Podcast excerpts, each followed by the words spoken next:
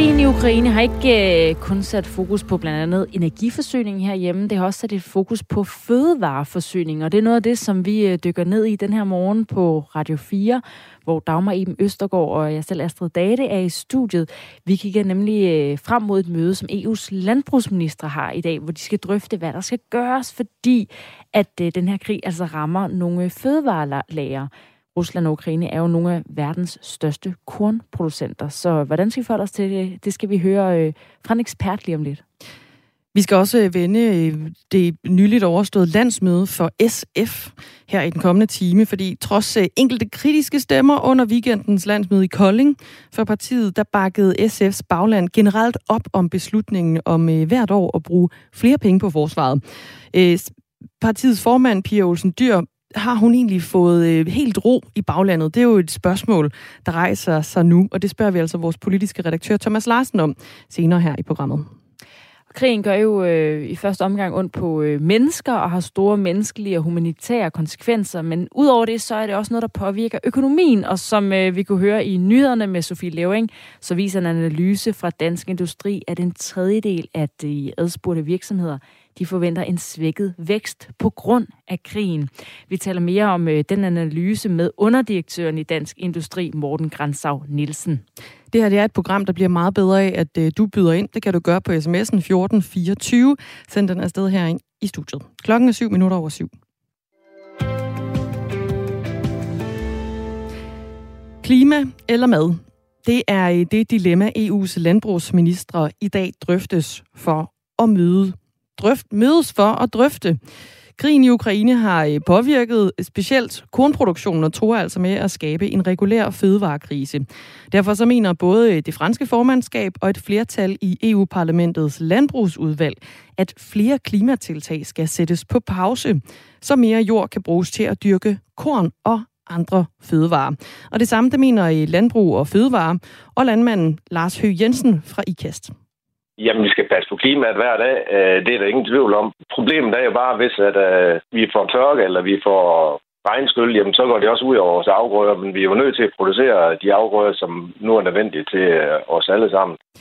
Sagde Lars Høgh Jensen, som altså er landmand, og så er han også næstformand i Herning IKAST Landboforening. Nu kan vi sige godmorgen til Jørgen Eivind Olesen.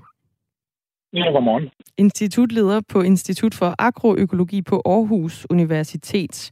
Allerførst så skal vi lige have slået kort på plads, hvorfor det er et problem for klimaet, hvis vi opdyrker mere jord med eksempelvis korn, end vi gør i dag.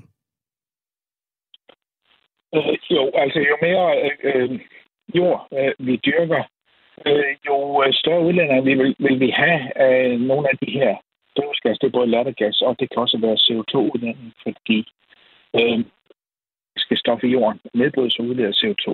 Så der er klart en udlænding der. Jørgen Ejvild Olesen, det her det lyder mærkeligt, men jeg skal lige bede dig om at øh, tage telefonen og så lige svinge den et par gange hen over hovedet. Der er simpelthen øh, knas på vores forbindelse til dig, og det kan samtidig lige hjælpe en, øh, en smule. Ved du hvad? Jeg prøver lige at gå udenpå her også. Ja, vil det være endnu bedre? Ja. Ud og se, om du kan fange en, mask, en mast. Øhm, øh, ja, kan ikke prøve, om det her jeg virker bedre? Jeg tror faktisk, det blev en smule bedre der. Øh, den, den her okay. udfordring, vi står overfor lige nu, det handler jo om en prioritering af enten fødevare eller af klimaet. Vil, vil du ikke prøve at sætte et par flere ord på, hvad det er for en udfordring, verden står overfor? Altså udfordringen er jo den, øh, at øh, Ukraine og Rusland øh, står for en meget stor del af verdens eksport af hvede. Og hvede er absolut den afgrøde, det korn, vi øh, spiser mest her i verden. Øh, så øh, det her kommer til, at hvis, hvis ikke der, der er forsyning nok af det, så vil fødevarepriserne stige. Og vi kan tage et eksempel. Så tilbage i 2010, der havde vi nemlig tørke i Ukraine og Rusland, som påvirkede netop verdens forsyning af hvede. Dengang steg kornprisen med en faktor 3, altså 300 procent og der var en halv milliard øh, flere mennesker på kloden, der kom til at sulte. Øh, og det er så det, vi kigger ind igen. Her er det så bare krig, der, mm. der, der, øh, der giver de her konsekvenser.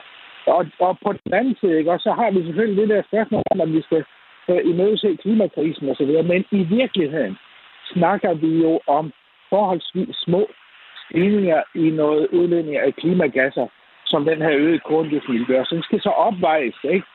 Imod, at flere mennesker vil sulte. Og rigtig mange mennesker faktisk. Det er heldigvis ikke kommet dertil, at prisen den er steget med, med 300 procent, men prisen på hvede den er altså allerede steget med 35 procent i forhold til for bare en måned siden. Rusland og Ukraine de står til sammen for noget, der ligner 30 procent af verdens samlede eksport af hvede. Og, og ja, efter Rusland jo så invaderet, der har begge lande indført et forbud mod eksport af korn, som gælder resten af, af det her år.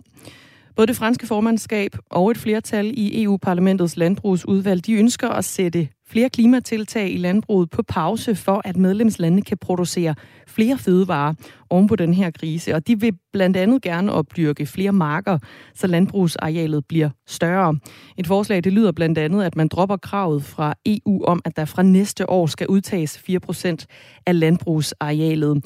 Jørgen Eivind Olesen, institutleder på Institut for Agroøkologi på Aarhus Universitet. Hvad for et hensyn vurderer du, at der lige nu, nu bør veje tungest? Altså er det hensynet til klimaet eller hensynet til fødevaresikkerheden? Det er da klart fødevaresikkerhed. Altså det kommer absolut først, øh, at, øh, at mennesker ikke sulter. Øh, og så må vi løse det andet problem på anden vis. Og det kan vi altså godt. Men vi har jo også, hvis vi... hørt igen og igen, at det er presserende at, at redde klimaet. Ja, men der er jo flere, der er jo flere skruetrækker i værktøjskassen end bare øh, braklægning. Ikke? Jeg synes, man har fokuseret alt for meget på det her. Der findes masser af andet, vi godt kan gøre teknologisk set for at få de her klimagasser ned, også med højere produktion. Og det er da det, vi skal have fat i, øh, så vi både kan øh, få understøttet en øh, fødevareforsyning for inden på den her klode sunde. Det er sådan set også en øh, af, øh, af FN's øh, øh, bæredygtighedsmål, at folk ikke skal sulte. Et af de andre, det er klimahensynet. Og så skal vi bare finde nogle andre måder at gøre det på, så vi både kan producere nok, og vi ikke har noget klimagasudløb. Og det kan vi godt. Øh, braklægning er altså ikke det eneste øh, ting, vi har i værktøjskassen. En af ulemperne ved at begynde at opdyrke mere jord, det er jo, at det går ud over klimaet, sådan som du også lagde ud med at, at fortælle her, Jørgen Eivind Olsen. Men ud fra din vurdering, vil den ulempe så blive udlignet af fordelene ved at dyrke mere jord for at forsøge at afværge en fødevarekrise?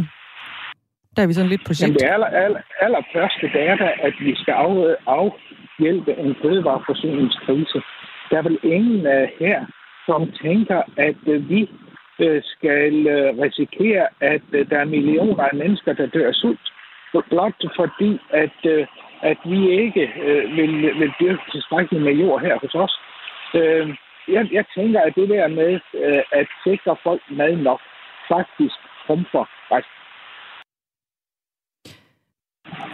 Er det umuligt på nogen som helst måde øh, både at skåne klimaet og samtidig også skaffe mere mad ved at dyrke mere jord?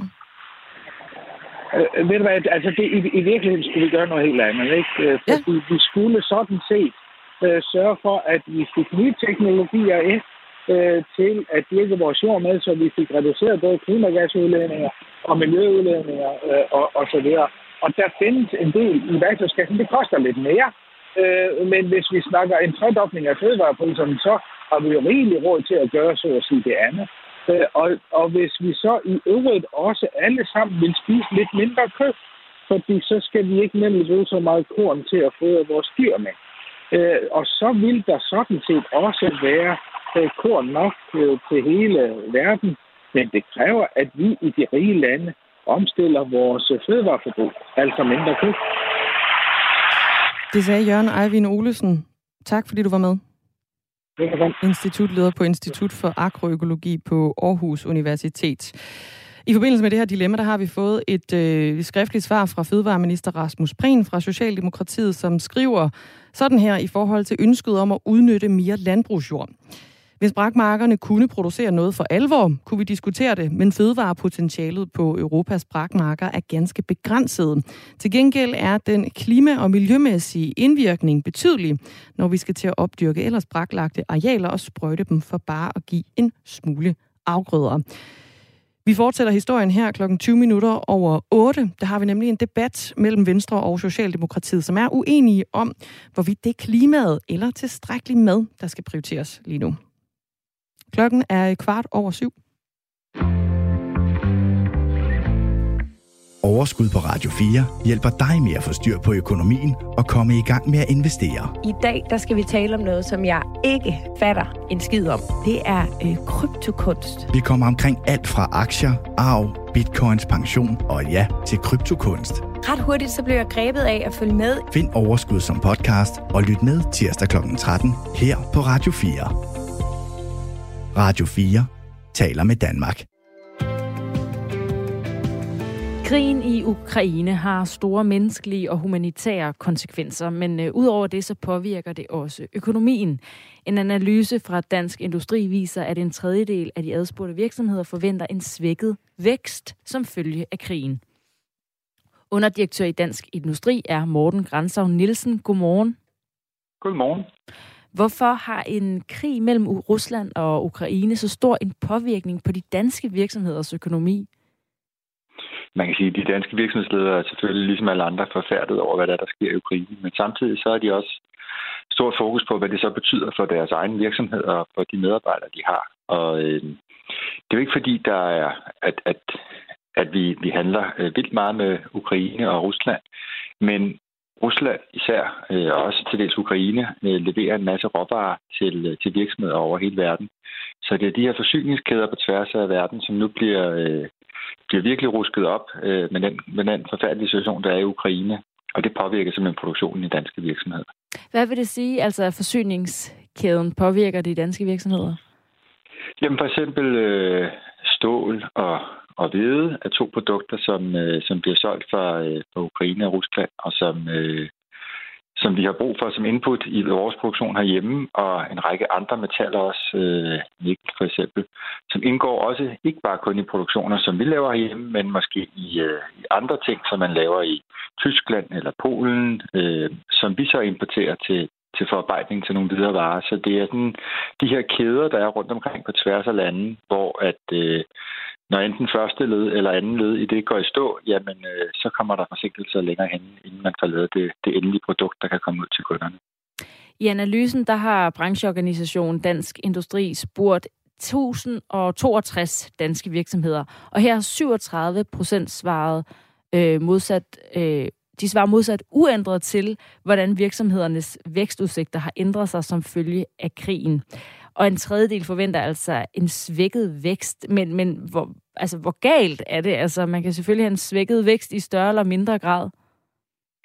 Ja, man, altså man kan sige, at vi er jo, vi er jo vi er heldige på den måde, at, at vi kommer ind i, i året med, med fuld fart på, øh, på vej ud af Ukraine, eller hvad det, på vej ud af, af coronakrisen.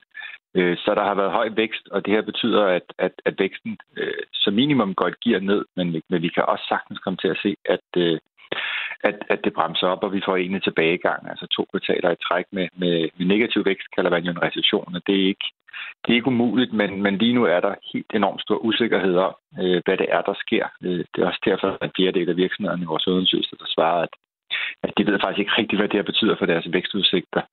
Øh, vi har lavet nogle forskellige scenarieberegninger på det, og i, i det mest sandsynlige scenarie, der, øh, der koster det cirka 26 øh, milliarder på, på velstandsniveauet i 2023. Men hvis der bliver lukket helt for gassen, så kan det blive meget værre. Men bekræfter øh, det her med, at øh, der er altså en fjerdedel, der svarer, at de ikke ved, øh, hvordan det kommer til at påvirke deres vækstudsigter, eller at usikkerheden er stor. Altså er det, er det også øh, sådan, I har det inden fra dansk industri? Altså I, I ved heller ikke egentlig, hvad der kommer til at ske?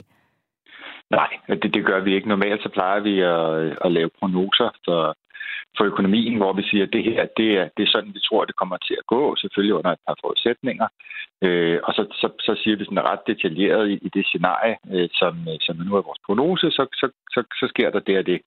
Og det kan vi slet ikke i den her situation. Så det, vi har lavet sådan nogle scenarieberegninger. Hvis, hvis der er et eller andet, der udvikler sig på den her måde, jamen så kunne det betyde sådan, og øh, hvis det derimod går værre, så er det sådan og sådan. Og det, det er jo fordi, at det er jo helt umuligt at spå om, hvor, at, øh, hvor den her krig den bevæger sig hen.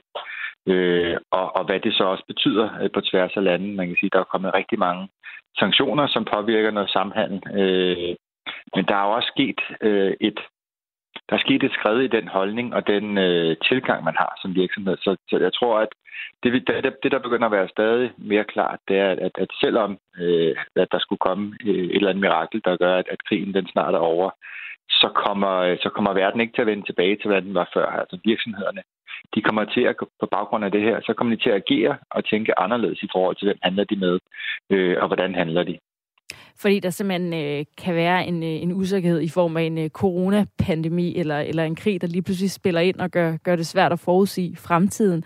Og du siger også, at de øh, i dansk industri har svært ved at lave jeres øh, sædvanlige prognoser over vækstudsigterne for eksempel. Men hvis du mm. nu alligevel skulle kigge lidt frem, altså i forhold til øh, hvilke virksomheder, der bliver sådan økonomisk hårdest ramt, altså hvad er det så for nogle brancher, som I forventer bliver ramt hårdest af den her krig mellem Ukraine og Rusland? Ja, men det er svært at pinpointe præcis, hvilke nogle virksomheder, der bliver ramt, fordi det afhænger i høj grad af, hvad det er præcis for nogle, øh, nogle underkomponenter, du bruger. Men, men det, der ser ud til at være ret tydeligt, det er, at byggeriet øh, bliver, bliver ramt af den her situation, fordi for eksempel stål er noget af det, som, øh, som man bruger i byggeriet, og samtidig har vi også, levet, også oplevet høje priser på, på energi, og, og en lang række byggematerialer bliver produceret ved hjælp af af energi, så, så det bliver dyrere at lave øh, hvad hedder det, byggematerialer, og øh, der kommer mange på nogle af de, de input og de råvarer, vi skal bruge i det. Så vi hører fra rigtig mange af vores, vores byggemedlemmer, at enten at man simpelthen har været nødt til at sætte produktionen på pause, fordi det var for dyrt at producere, eller at man kigger ind i, øh, i meget kort, kort tid, før man, man løber tør for nogle af de, øh, de råvarer, man skal bruge. Vi har også hørt om krydsfinerplader og andet, som, som er simpelthen øh, inden for ganske, ganske få uger tænker, det kan vi bare ikke få længere. Øh, og så er det på jagt efter, efter nye alternative leverandører, men, men det er jo desværre ikke kun de danske virksomheder, der har behov for det. Nej, fordi øh, de her råvarer, som øh, du startede med at sige, stål og hvede, det fik man til at tænke på det her spil, der hedder Settlers, som er sådan et brætspil, hvor man spiller mm. om øh, råvarer for at bygge. Det bliver lige pludselig meget sådan lavpraktisk. Der kan jeg også huske, der er også noget øh, metal og hvede, man ligesom skal samle for at kunne bygge. Hvorfor er øh, altså hvede og, og stål sådan en vigtig, øh, altså en vigtig råvare for danske virksomheder? Jamen, jeg tror, øh, altså, hvedemangel, det er jo selvfølgelig klart, det er jo egentlig noget, noget fødevareproduktion og, og, noget, og noget foder. Øh, men, men det er måske i virkeligheden i, i højere grad, når man, når man kommer, øh, kommer lidt længere ned i udviklingslandet, at det her med hvede bliver, bliver et seriøst problem, fordi, fordi der er en del af det her, som, som vi også er inde på før, når alle jagter den samme råvare, jamen så er der nogle andre leverandører, der, der kommer på banen, men, men ofte til en lidt højere pris. Og det har vi måske lidt nemmere ved at betale her i, i den vestlige verden, end man har i, i for eksempel Afrika. Men altså stål er jo, det er jo bare et input, vi bruger i, i rigtig mange ting. Og, øh, og derfor er der, er der kamp om det, og og jeg er sikker på, at der er, der er mange steder rundt omkring i verden, hvor man, hvor man leverer nogle af de her råvarer, der nu øh, kommer til at mangle, hvor, øh, hvor man virkelig gør alt, hvad man kan for at skrue op for produktionen. Fordi der står man jo i en, i en meget gunstig situation, at man lige pludselig kan begynde at, at vinde markedsandel tilbage for nogle, nogle russiske og ukrainske virksomheder, men især russiske. Og det er jo, der er nogle af de altså stål af de steder, hvor, hvor Rusland leverer en stor del af, af verdensmarkedet, og det samme med os. Men med gas, det er jo derfor, vi har så meget fokus på at, at gøre os uafhængige af, af gassen fra Rusland. Og det er altså også derfor, at øh, ja, over en, øh, eller en fjerdedel ikke ved eller har en stor usikkerhed omkring deres vækst som følge af krigen mellem Ukraine og Rusland. Morten Grænsav Nielsen, tak fordi du vil være med. Det var så lidt. Ha' en god dag. I lige måde, underdirektør i Dansk Industri.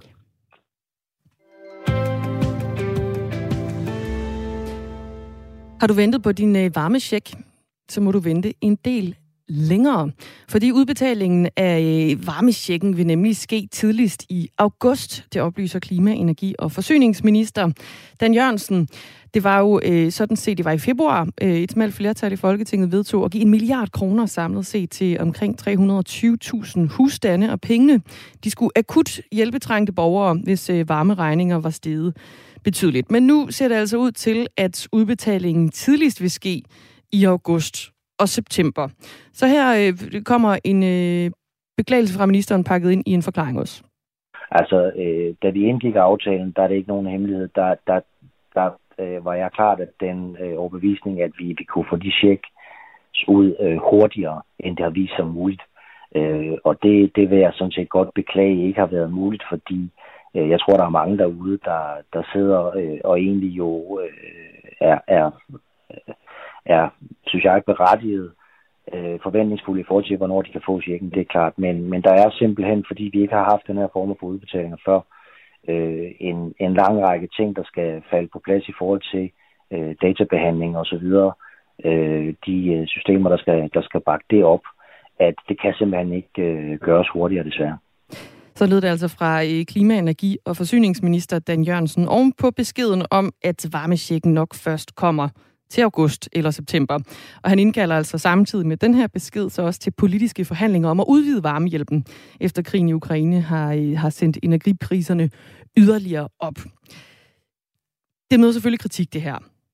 Venstres finansordfører Troels Lund Poulsen kalder det total amatørisme, at den akutte varmehjælp til ramte borgere, der blev vedtaget i februar, først kommer hen på sommeren, faktisk i slutningen af sommeren. Han siger til øh, nyhedsbyrået Ritzau, det er helt skandaløst, at man halvanden måned efter, at man har lavet aftalen, bliver klar over, at pengene først kan komme efter sommerferien. At vi er kommet den barok, i den barokke situation, at folk først får hjælpen til varmeregningen i årets potentielt varmeste måned, har jeg ikke ord for, hvor skandaløst det er, siger Troels Lund Poulsen. Og øh, Ifølge Per Nikolaj Buk, som er professor i økonomistyring ved Aalborg Universitet, så er den her seneste melding om varmesjekkens udskydelse overhovedet ikke overraskende. Øh, ja, pilen den peger øh, på politikerne for den her udskydelse, og altså ikke på embedsværket, siger Pierre Nikolaj Buk. Jeg er overhovedet ikke overrasket over, at det ikke kan lade sig gøre her nu. Om det tager tre eller seks eller ni måneder, det er jo, det er jo svært at sige. Men altså, øh, for at få afgrænset den målgruppe, som lige præcis har de her energiforsyningskilder og det her indkomstniveau, og, øh, og omfatte den her ordning, altså det, det, det, det kan man jo ikke gøre. Det har vi ikke systemer, der på forhånd er indrettet til, så selvfølgelig tager det noget tid. Og det tror jeg også godt, at politikerne kunne have forudset på forhånd. Øh, så hvis politikerne, der har truffet den her beslutning, har stillet befolkningen i udsigt, at pengene vil komme her nu, øh, så synes jeg, at de skulle have tænkt sig noget om. Man kan ikke bebrejde embedsværket, at de ikke kan producere de her øh, data med det samme. Det kan man selvfølgelig ikke. Så lød det altså fra øh, Per Nikolaj Buk, professor i økonomistyring ved Aalborg Universitet, ovenpå en udskydelse af varmesjekken, og han kalder det jo, ja, som nævnt, overhovedet ikke overraskende, at det lige tager en, øh, en rum tid at få samlet og skrabet data sammen, så man ved også, hvem den her øh, check, den jo skal ramme. Der er blevet afsat en milliard kroner, som skal fordeles til omkring 320.000 husstande, altså som en akut hjælp, som kommer øh, ikke så akut øh, på et eller andet tidspunkt i august. For to uger siden, der havde vi øh, historien om, at øh, Kevin Magnussen, han øh, gør et overraskende comeback. Altså, det var meningen, at han skulle se Formel 1 fra sin egen sofa derhjemme. Han sagde tilbage i år 2020, farvel og tak til den her øh, meget fornemme klasse i motorsport. Men så kom hans øh, tidligere hold, Team Haas, og spurgte, om han ikke ville øh, køre igen. Og baggrund var, at øh, den russiske kører, som de ellers havde, Nikita Mazepin, han øh, tog afsked med holdet, eller det gjorde holdet. De, holdet tog vel afsked med ja, ham? holdet Haas tog afsked med ham. Ja. Og de stoppede også deres sponsoraftale med det russiske selskab Uralkali, som øh, delvis er ejet af Mazepins far. Og det har så altså givet chancen til 29-årige øh, Kevin Magnussen, som øh, også er søn af den tidligere Formel 1-kører Jan Magnussen, der kalder hans søns præstation et kæmpe comeback, hvis han yeah. selv skal sige det. Og så i går blev øh, sæsonens første Grand Prix afholdt i Bahrain. Ja, gik det godt? Det gjorde det nemlig. Mm. Det gik super godt for Magnussen og Haas, altså som øh, Altså, sidste år var det dårligste hold, Haas, og øh, nu har han altså sluttet øh, første Grand Prix med en femte plads. Og det er hans øh, bedste resultat i Formel 1 siden 2018. Så en, øh, en utrolig god start, og det er jo dejligt det der med at få øh, danskere med i, i sådan et løb, fordi øh, der er også, øh, hvad hedder det, vi har også en, øh, en øh, hvad hedder det, hans, ja, det er dejligt, det der med. Det gør, at vi lige pludselig kan følge lidt med i det igen, og det får en fornyet interesse. Og så kan vi se øh, kæmpe comebacks i Formel 1. Dansk kæmpe comeback, som far kalder det. Ja, lige præcis. Ja, det er ja. så godt. Du lytter til Radio 4 morgen med Astrid Date og Dagmar Eben Østergaard, og lige om ikke så forfærdeligt længe efter et nyhedsoverblik, så skal vi dykke ned i øh, landsmødet, SF's landsmøde, i, som bliver overstået her i weekenden. Vi får en analyse med Thomas Larsen, som er politisk redaktør her på Radio 4. Klokken er halv otte, og du skal have en omgang nyheder.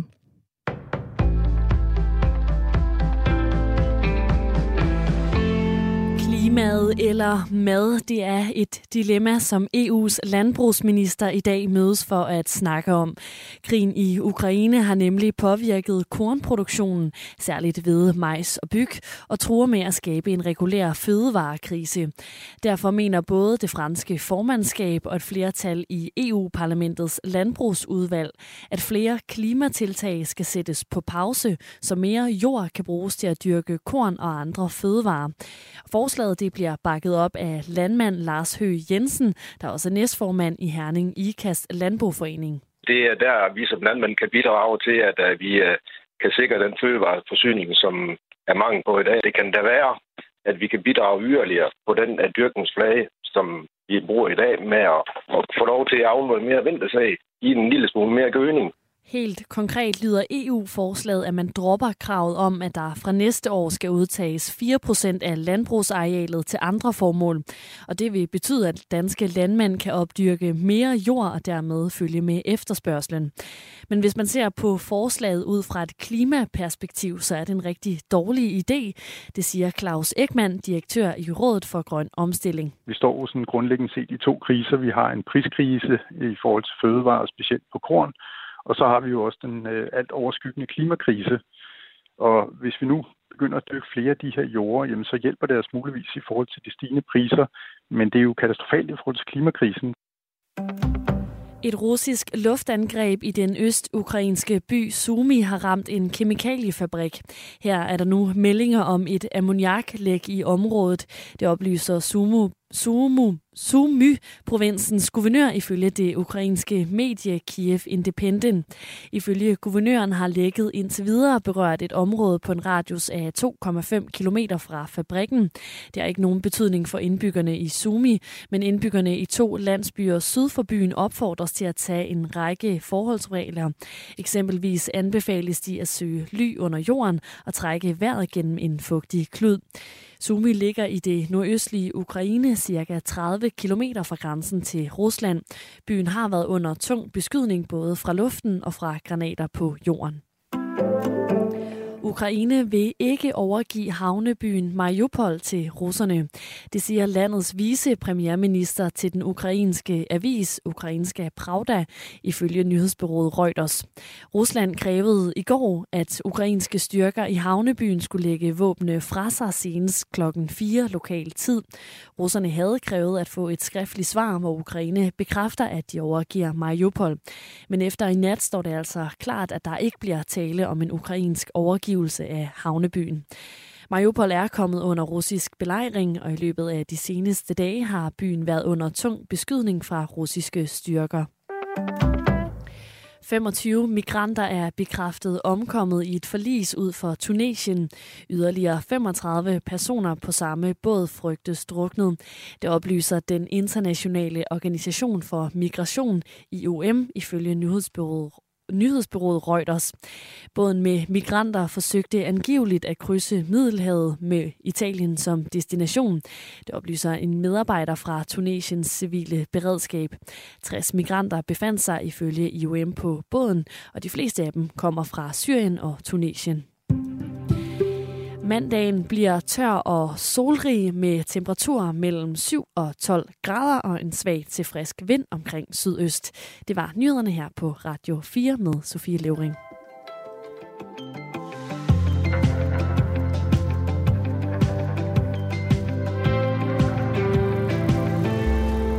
Ved Truls Lund Poulsen ikke så noget, siden han går ud med så kras kritik af regeringens tempo indbetaling af varmehjælp. Tempo udbetaling må der næsten stå. Det spørger Jens om, og det gør han øh, ovenpå en øh, fortælling, vi har om varmesjekken, som jo er blevet udskudt, altså udbetalingen af varmesjekken. Den er blevet udskudt den blev vedtaget i februar, og nu er den så udskudt udbetalingen af den til august, altså noget, der ligner et halvt år efter, ser det ud som om den bliver udtalt nu. Den her ene milliard kroner, som skal fordeles til omkring 320.000 husstande. Og Troels Lund Poulsen, han retter en kras kritik. Han siger, at det er total amatørisme, at den her akutte varmehjælp til ramte borgere, den ikke kommer ud hurtigst muligt. Eller det bliver så hurtigst muligt. Men udfordringen er jo, Der er en masse øh, omkring embedsværket, som skal være på plads. Der er en masse data, der er en masse viden om, hvem der skal have den her check, som jo skal skrabes sammen. Det er i hvert fald noget af det, som øh, Pierre Nikolaj Buk han påpeger. Han er professor i økonomistyring ved Aalborg Universitet. Jon han skriver på 1424, det er sygt, at politikerne kan bestikke vælgerne med varmesjek for at skjule effekten af den krig, de har været med til at fremmane. Vores leders strategi siden murens fald har været en fiasko, er Anna, eller konklusionen fra Jons side af. Minkgate er ikke løst, varmesjekken er ikke løst. Folket forsumper i gæld, skriver Tommy Ligård ind. Du kan øh, gøre præcis det samme som Jens, Jon og Tommy. Skriv en sms ind. Det gør du til 1424.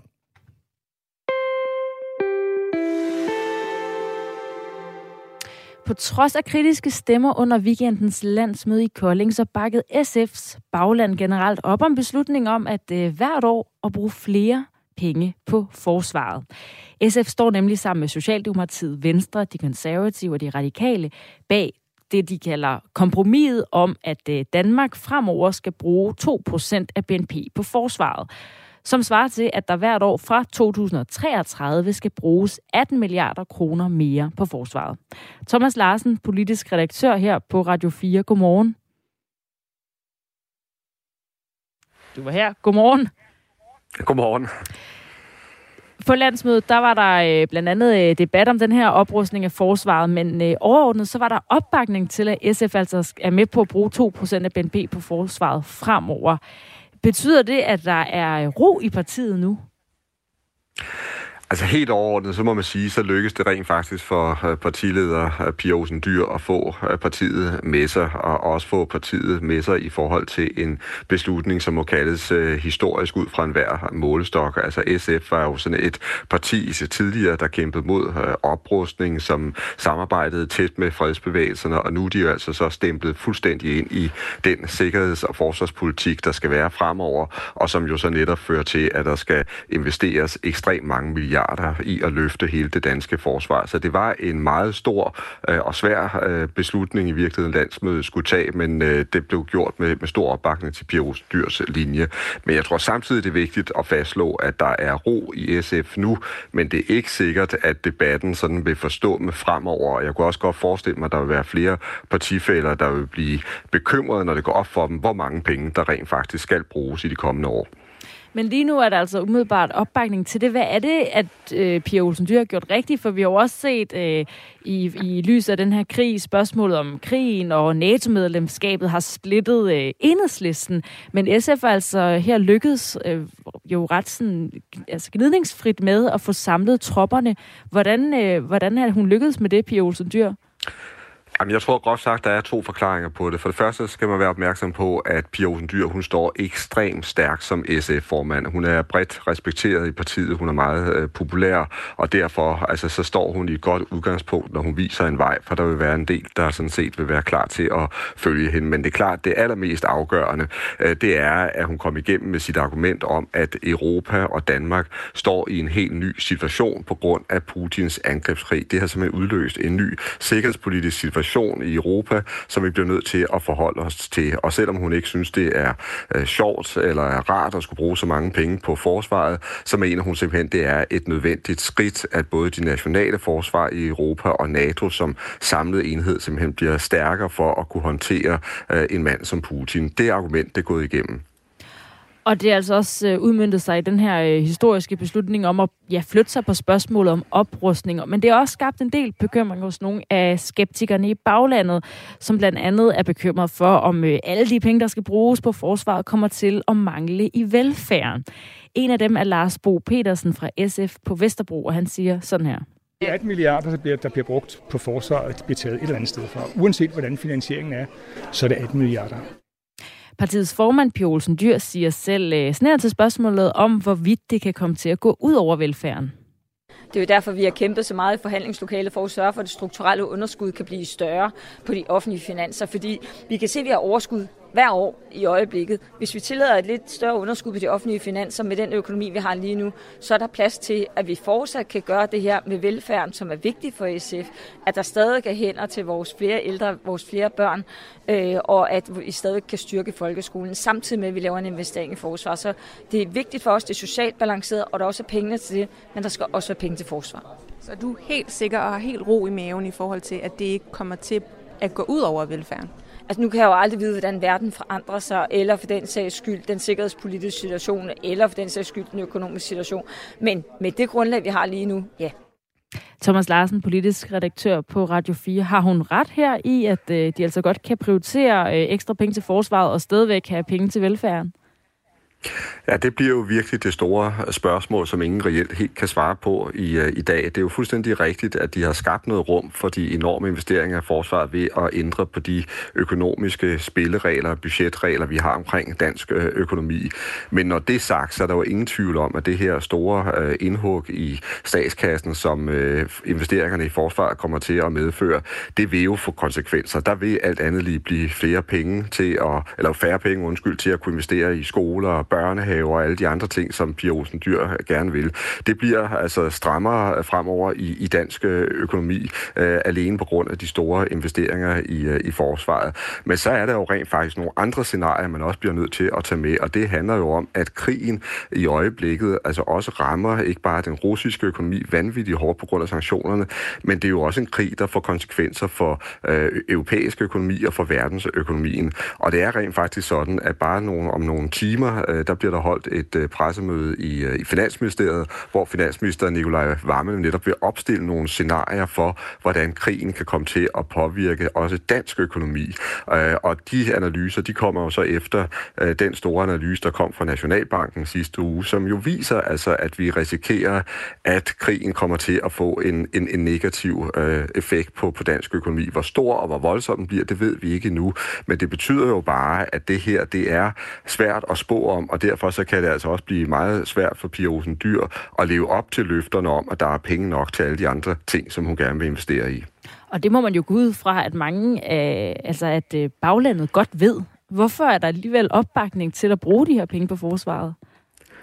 Jamen det er det her, jeg tror, det er meget afgørende at forstå, at der bliver et øh, på kort sigt og et på lang sigt i SF. Fordi her og nu, der sidder vi jo alle sammen og ser de her forfærdelige øh, tv-billeder, øh, der strømmer ud fra Ukraine, hvor man kan se altså de massive bumpninger, som russerne laver, også af civile områder. Og det er klart, det er noget, der får folk til at ville handle. Det er noget, der får folk til at ville styrke vores forsvar og vores militær. Og det er også sådan, SF'erne reagerer videre. Men altså det, der kommer til at ske på længere sigt, det er jo så måske, at konflikten ikke er der på det tidspunkt. Øh, det kan være, at det er der, det for alvor begynder at gå op for, for folk, hvor mange penge 18 milliarder kroner ekstra er om, om året. Og så vil jeg tro, at der sagtens skal komme nye diskussioner om, hvorvidt altså, vi så skal styrke vores forsvar så meget, som i hvert fald nogle af partierne ønsker at gøre det. Her øh, til sidst, der træder vi altså lidt øh, trin mere op af den øh, politiske abstraktionsstige, fordi forud for landsmødet, der luftede Pia Olsen Dyr til Avisen Danmark, at SF efter et kommende folketingsvalg er klar til at gå i regering. Og hun sagde blandt andet, at hun ville takke ja til posten som finansminister. Der er blevet spekuleret i, om SF har tilsluttet sig den her oprustning af forsvaret for at fremstå mere sådan regeringsegnet som parti. Altså, er det rigtigt, at det her også har en betydning for øh, SF, altså, og, og hvor sandsynligt det var, at, øh, eller det er, at de kan komme i regeringen? Ja, det er en rigtig antagelse. Altså, der er, det er helt oplagt, at i og med, at SF går ind og tager det her meget store skridt altså i retning af at stemple ind i, i Danmarks forsvars- og, og sikkerhedspolitik fremover for fuld kraft, og også er villige til at investere så meget i, forvaret, i, i forsvaret, så kan man sige, så er SF på mange måder altså kommet tættere på regeringsbanken, og det vil sige også et parti, som vil være med til at, at, at, at løfte de store og svære beslutninger. Når det så er sagt, så øh, mener jeg ikke, at man har taget den her store beslutning på, på landsmødet i weekenden, fordi man ønskede at komme i, i regeringen. Læser man Pia Olsen Dyrs øh, store øh, tale, som også flere med rette har kaldt for historisk, så bliver den jo blandt andet præget af nogle altså meget tilbundsgående analyser af, hvor stor en trussel Rusland er i dag, men i virkeligheden også, at vi i Vesten kommer til at se ind i, en, øh, i et sikkerhedspolitisk billede, som bliver præget af flere og større trusler fremover, og hvor hun også specifikt nævner Kina, som også kommer til at blive en form for øh, Øh, rival i forhold til, til Vesten. Så jeg er ikke sekund i tvivl om, at når, de, når SF har taget det her store skridt, så skyldes det en analyse af den verden, vi ser ind i. Og så kan man sige, som en sidegevinst, så kan det være, at det bringer partiet lidt tættere på regeringsmagten, hvis Mette Frederiksen ønsker at udvide øh, regeringen, og hvis der er et rødt flertal ved næste valg. Der er lige nogle forudsætninger, der skal på plads. Og når jeg er apropos øh, regeringen og regeringsdannelsen. Vi har fået en sms, Thomas Larsen, der står, SF har aldrig stået stærkere. De har droppet al SF-politik og er blevet socialdemokrater. Det der stemmer i. Er der et græn af sandhed i det? Ja, der er faktisk det græn af sandhed, at øh, SF har lagt sig ret tæt på Socialdemokratiet og øh, samarbejder meget harmonisk med, med Mette Frederiksen og Socialdemokratiet. Og det er jo også noget, som partiet sådan bliver hånet for på Christiansborg. og der mange kommentatorer, der siger, at de sådan er blevet en dækkende øh, lammehale. Men set med SF's øjne og set med Pia øh, Olsen Dyrs øjne, så er det altså en linje, der giver øh, partiet masser af indflydelse på de resultater, man laver i samarbejde med regeringen. Og ser vi på meningsmål målingerne, ja, så er øh, vælgerne altså ret godt tilfreds med den linje. Thomas Larsen, politisk redaktør på Radio 4. Tak fordi du vil være med her til morgen. Selvfølgelig. Selv tak. Klokken den er blevet 14 minutter i 8. Marina Ovsjanikova. Det er måske et navn, øh, flere har stødt på i den forgangne uge. Hun er russisk journalist, og øh, det var jo hende, der stillede sig op på Kanal 1 i Rusland med øhm, et skilt. Det lød sådan her. Российский премьер подчеркнул, надо усилить сотрудничество в рамках союзного государства, а на совещании в правительстве обсуждали, как сохранить доступность лекарств. Ja, hun stillede op med et protestskilt. Ja, hvor hun starter med at stille det op bag ved verden, hvor man tænker, du er alle burde da vide lige præcis, hvor det skulle stå, så man kan se teksten. Og det skulle helt op foran billedet. verden, tænkte du? Jamen det stod, nej, det stod sådan om bag ved verden i allerførste omgang. Hun lige flyttede sig lidt, så man kunne læse, hvad der rent faktisk stod på det skilt. Om ikke andet, så øh, er hun en personlighed, som øh, der bliver skrevet meget om og berettet meget om for tiden, og hun øh, deltager også i en del interviews. Og nu deltager hun altså senest i et interview, hvor hun... Øh, mener, at andre russere, hun opfordrer andre russere til at følge hendes eksempel og tale imod, hvad hun kalder Ruslands grusomme krig i øh, Ukraine. Hun blev sidenhen idømt en øh, bøde på, på noget, der ligner 1900 kroner, øh, og øh, løsladt oven på den her, hvor man egentlig godt kunne have frygtet, hun kunne have fået 15 års fængsel for den her protestaktion, hun lavede på, øh, på tv. Men hun mener altså, at øh, Ruslands regering i tiltagende grad tvinger landets medier til at bringe et forvrænget billede af virkeligheden. Hun siger øh, i det her interview, jeg vil vise den russiske befolkning, at nyhedsdækningen er propaganda. Jeg ville afsløre denne propaganda for, hvad den er, og muligvis inspirere andre borgere til at tale op imod krigen, lyder det fra øh, journalisten her det der jo er sket, hun har jo, det er jo ringe i vandet har hun spredt øh, oven på den her protestaktion på live tv på Kanal 1, altså den statsstyrede øh, kanal i, i Rusland. Øh, det har også medbragt en lavine af opsigelser. BT de har berettet om, at, at hun ikke er den eneste journalist, som er utilfreds med, hvordan vilkårene er for journalister i Rusland. Og siden øh, krigens udbrud, så er der altså øh, sket en sådan en lind strøm af journalister, som har, øh, har sagt op. Øh, blandt andre en, en europakorrespondent, også på Kanal 1, altså på Marina Ovsjanikovas øh, egen kanal. Der er også øh, øh studieværter og rapporter på en kanal, der hedder NTV, som har sagt op chefredaktør på Russia Today og korrespondenter også fra samme sted. Så hun har ligesom på en eller anden måde øh, skabt nogle, øh, nogle ringe i vandet, og nu stiller hun sig altså op igen og siger, at øh, russerne, de skal, øh, ja, sige Ruslands grusomme krig i Ukraine imod.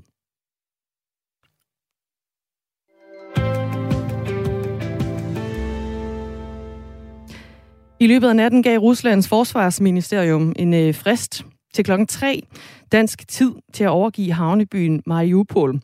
Det lød, at hvis byens øh, forsvar ville lægge deres våben inden da, så vil Rusland lade de 130.000 civile, der ifølge dem stadig befinder sig i Mariupol, forlade byen, skriver Reuters. Men i nat, der afviste Ukraines vicepremierminister Irina Vereshchuk øh, til den ukrainske avis Ukrainske Pravda, at de ville overgive sig. Det afviste hun altså. Nu kan vi sige godmorgen til Claus Mathisen. Ja, godmorgen. Lektor på Forsvarsakademiet og tidligere forsvarsattaché i Ukraine. Hvorfor afviser Ukraines øh, vicepremierminister at lade Mariupol overgive sig? Jamen, det gør man, fordi det vil jo, øh, altså, det er jo en stemning, der generelt har præget hele den ukrainske, både militære og civile og indsats øh, og holdning til tingene, at øh, her der vil man altså kæmpe til den bitre ende, fordi man nok ganske rigtigt føler, at det her det er en krig, som handler i høj grad om den ukrainske nations overlevelse. Men der er jo civile øh, liv på spil også. Det er der, men det her, der kan man jo sige, det har der sådan set været hele tiden, fordi øh, Mariupol har jo i ja, to uger eller mere været udsat for alle mulige angreb, artilleribombardementer, flybombardementer, øh, angreb med raketter. Vi har hørt om teater, der blev ramt. Vi har hørt om hospitaler, der blev ramt. Og selvfølgelig også boligområder, der blev ramt. Så øh, man kan sige, at øh, det er næsten så slemt, som det kan blive, og man vil bare ikke give sig. Øh, Mariupol, hvad er det øh, lige med den by, som gør, at det er vigtigt for Rusland at, at erobre netop det område? Ja, der er flere ting, der spiller ind. For det første ligger den jo lige klods op af den gamle grænse til Donetsk øh, Folkerepubliken, den selvudråbte republik. Men den ligger på Donetsk-regionens territorium. Og da de her republikker blev anerkendt af Rusland, der anerkendte man jo dem inden for deres fulde regionsterritorium. Øh, det er den ene ting. Og så er det også hjemsted for Azov-bataljonen. Øh, den her nok så omtalte bataljon, frivillig bataljon, som det var i sin tid med en kraftig højre radikal, måske endda neonazistisk i hvert fald kerne øh, og historik bag sig. Og den vil man bruge på alle mulige måder. Vi vil få at høre alt mulige dokumenter, der bliver fundet om, hvad de dog ikke har planlagt af ting. Der har jo allerede været en historie fremme om et attentat i den vestukrainske Lviv, som skulle være planlagt af Azov-bataljonen. Og så har det faktisk også militær betydning. Og hvad, hvad, hvad for en militær betydning har det? Jamen, det har den betydning, at hvis ellers øh, man får øh, knækket den sidste modstand i byen, og det kan godt være et par døgn endnu, så kan man jo altså frigøre de styrker, der hidtil har været engageret, og det har været mange, der har været engageret i, i at rykke ind i Mariupol, fordi Mariupol var meget stærkt forsvaret. Øh, dem kan man så bruge til andre operationer andre steder. Der er ingen tvivl om, at enhederne trænger til en kamppause, men hvis ellers man kan få dem, om man så må sige, på fod igen og øh, give ny ammunition og forplejning og måske også mand landskab, for der er også mange russere, der er blevet dræbt her, så kan den bruges i andre øh, sammenhænge. Men hvor, hvorfor bomber de byen, hvis de skal bruge den? Jamen, de skal ikke bruge byen. Øh, mm. Den er de sådan set nok ret ligeglade med umiddelbart. Øh, den har en betydning som er vigtig havn. Øh, det var også derfor, der blev kæmpet så hårdt om den i 2014 og 15, fordi Donetsk Folkerepubliken ville gerne have beholdt havnen som udskibningshavn for alt det stål, der laves i, i republikken. Men det fik de altså ikke. Men øh, bortset fra det, så handler det for russerne om at få vist, at man kan knække en ukrainsk storby med næsten en halv million indbyggere. Ja, der bor jo normalt cirka 400.000 øh, personer i Mariupol, øh, og, og det er altså et af de steder, hvor man har forsøgt sig med våbenhvile ved humanitære korridorer for at få øh, evakueret civile. Øh, det har ikke øh, sådan virket totalt efter hensigten. Der har været brud på våbenhvilen af, af, af flere omgange. Men, men Mariupol er altså hårdt ramt af den russiske invasion. Hvor længe set med din øh, hat på, hvor længe kan Mariupol så holde stand, som det ser ud lige nu? Ja, men jeg gætter på, at øh, i og med, at man har valgt ikke at, at bøje sig for det ultimatum, så vil vi nu se meget hårdere bykampe i den indre by. Øh, og det kan tage lang tid, fordi der kan selv bare en enkelt, øh, havde nær sagt, frivillig civil med et håndvåben faktisk være øh, et, øh, et, et, en forsinkende faktor, øh, som gør, at den russiske fremrykning kan tage nogen tid. Øh, så, så jeg gætter på måske et til to døgn, før man måske ser en endelig kapitulation. Og, og hvad sker der, hvis øh, byen falder? Jamen, så som sagt, så tror jeg, at øh, for det første, så øh, vil russerne øh, bruge alt, hvad de, den vil få alt, hvad den kan trække på den her Azov-bataljon, og man vil finde mange øh, såkaldt spændende dokumenter og afsløre både, hvad de har gjort og hvad de øh, har tænkt sig at gøre, øh, som skal bruges til at understøtte den russiske fortælling om, at Ukraine er i den bande nazister. Og øhm, øh, derudover, så, så som sagt, som jeg sagde, så kan man få frigjort nogle enheder, der nok lige skal have pusterum til at kæmpe videre, måske længere i østlig retning, eller om at afskære de ukrainske regeringsstyrker i øh, Øst-Ukraine, for det er også en, en mulighed, som desværre tegner sig. Mm. Ifølge øh, Rusland, så er der lige nu 130.000 civile tilbage i Mariupol, hvor der altså plejer at bo omkring de her 400.000 mennesker. Så de fleste har forladt øh, byen, men der er jo så stadigvæk en masse civile tilbage i den her by, hvor der øh, er, øh, øh, som er under hårdt angreb. Er det, er det realistisk at få dem øh, evakueret, hvis nu byen skulle falde? Ja, altså når byen er faldet, øh, så kan man formentlig komme ind med nødhjælp. Det tror jeg sådan set også øh, Rusland selv vil gøre, fordi Rusland vil jo forfærdeligt gerne vise, at når nu de her nazister er slået ihjel, så vil man gøre alt, hvad man kan for den stakkels civilbefolkning, der har været gisler for de her forfærdelige nazister. Så øh, øh, der, der, altså det vil selvfølgelig ændre lidt på forholdene for civilbefolkningen, men det er faktisk ikke mit indtryk, at civilbefolkningen er specielt interesseret i en overgivelse øh, man vil blive der til det sidste og yde modstand mod den russiske besættelse øh, lige til det sidste, hvis det skal være, hvis ikke det kan være anderledes. Claus Mathisen, lektor på Forsvarsakademiet og tidligere forsvarsattaché i Ukraine. Tak fordi du var med. Jamen selv tak. Klokken er fire minutter i otte. Ukraines præsident Volodymyr Zelensky han forbyder aktiviteter for 11 politiske partier i landet. Det fortalte han i en af sine øh, klassiske videotaler i weekenden. Det skriver nyhedsbyrået AP. Flere af de her partier, der nu suspenderes, de anses ifølge Zelensky for at have russiske forbindelser. Og det er der flere grunde til, siger Charlotte Flint Pedersen, der er direktør i det udenrigspolitiske selskab med indgående kendskab til Rusland og det postsovjetiske område. Jamen, det er først og fremmest vigtigt at forstå, hvad, hvad det er, de her pro-russiske partier indeholder. Altså, det er jo pro-Putin, som ligesom har givet ordre til at angribe. Det er partier, som ikke ønsker et tæt forhold til Vesten. De er antiliberale, og de ønsker desuden et meget tæt forhold til Rusland. Øh, så man skal forstå, at handlingen, handlingen er ikke vendt mod russerne i Ukraine, men mod de partier, som grundlæggende støtter op om invasionen. Så det, det er en af grundene. Så er der en anden grund, som også er ret vigtig, det er, at man kan se, at øh, russerne følger et mønster, som de også har fulgt tidligere, hvor repræsentanter for de her partier lader sig indsætte som borgmestre i byer, som Rusland har indtaget, og, så, øh, og hvor man samtidig har kidnappet den eksisterende valgte, folkevalgte borgmester. Så det er også ligesom for ligesom at sige, okay, det her det er en særlig situation. Det er jo kun også, man har også kun forbudt den så længe, at øh, krigen varer.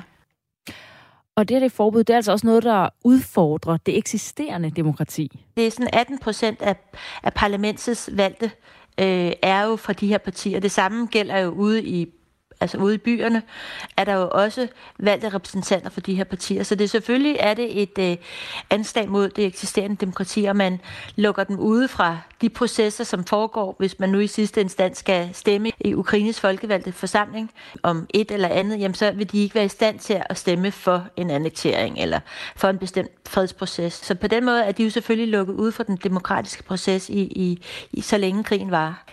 Men det er jo selvfølgelig en, en, en meget drastisk beslutning at, at sige, at der er simpelthen nogle partier, som man synes er så undergravende for Ukraines øh, selvstændighed og suverænitet, at man faktisk forbyder den. Men det er det, der berettiger det, det er, at man siger, at de er undergravende for Ukraines selvstændighed og den, den kamp, man er i gang med nu.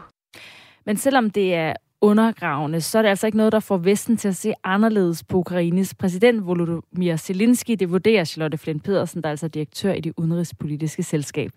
Nej, det tror jeg ikke. Og jeg er sikker på, at ligesom han har gjort hele tiden, så har han indgået talt øh, med, med folk øh, i, i Vesten om det, fordi det har han gjort øh, løbende. Han er, øh, så jeg tror, at det, det er noget, som han har diskuteret frem og tilbage. Han har også tidligere forbød han jo også nogle, øh, nogle øh, tv-kanaler, som var meget sådan undergravende og pro-russiske øh, for, ja, for et års tid siden. Og det var også noget, han indgående havde diskuteret med amerikanerne, inden han, han gjorde det. Derfor er det heller ikke noget, Vesten kommer til at reagere på endnu.